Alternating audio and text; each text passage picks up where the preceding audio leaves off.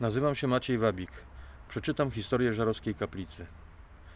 W związku z dynamicznym rozwojem przemysłowym w drugiej połowie XIX wieku do Żarowa przybywało za pracą coraz więcej ludzi.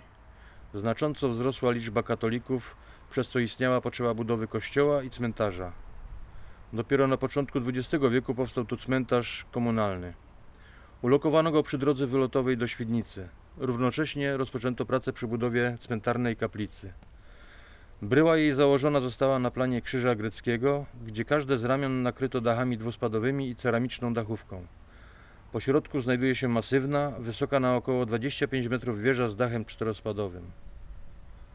W numerze 46 branżowej gazety Baugewerkszeitung z 1903 roku w notatce zawierającej także szczegółowe szkice obiektu pod tytułem Kaplica cmentarna w gminie Żarów autorstwa Hugo Waltera, mistrza murarskiego i ciesielskiego z Żarowa czytamy – Przedstawiona tu w rzucie poziomym i pionowym kaplica cmentarna znajduje się w trakcie realizacji na nowo założonym cmentarzu komunalnym.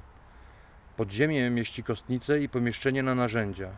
Sień głównej kondygnacji jest oddzielona od głównego pomieszczenia drzwiami rozsuwanymi. Budowa jest realizowana z ciemnoczerwonej zabrzydowskiej cegły licowej z białym fugowaniem, odwadnianie z zielonych polerowanych cegieł ukośnych. W architekturze unika się stosowania wszelakich kształtek kamiennych.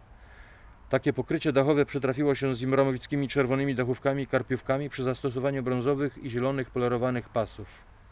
Stropy są wykonane z drewna prostym sposobem i pomalowane lakierem lazurującym.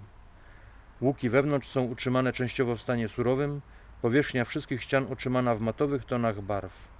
Oszklenie z matowo-błękitnego szkła.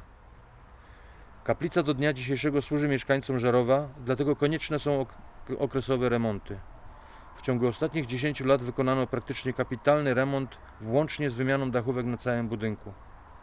W trakcie prac przy zwieńczeniu wieży odnaleziono kapsułę czasu, która zawierała list napisany 5 sierpnia 1903 roku.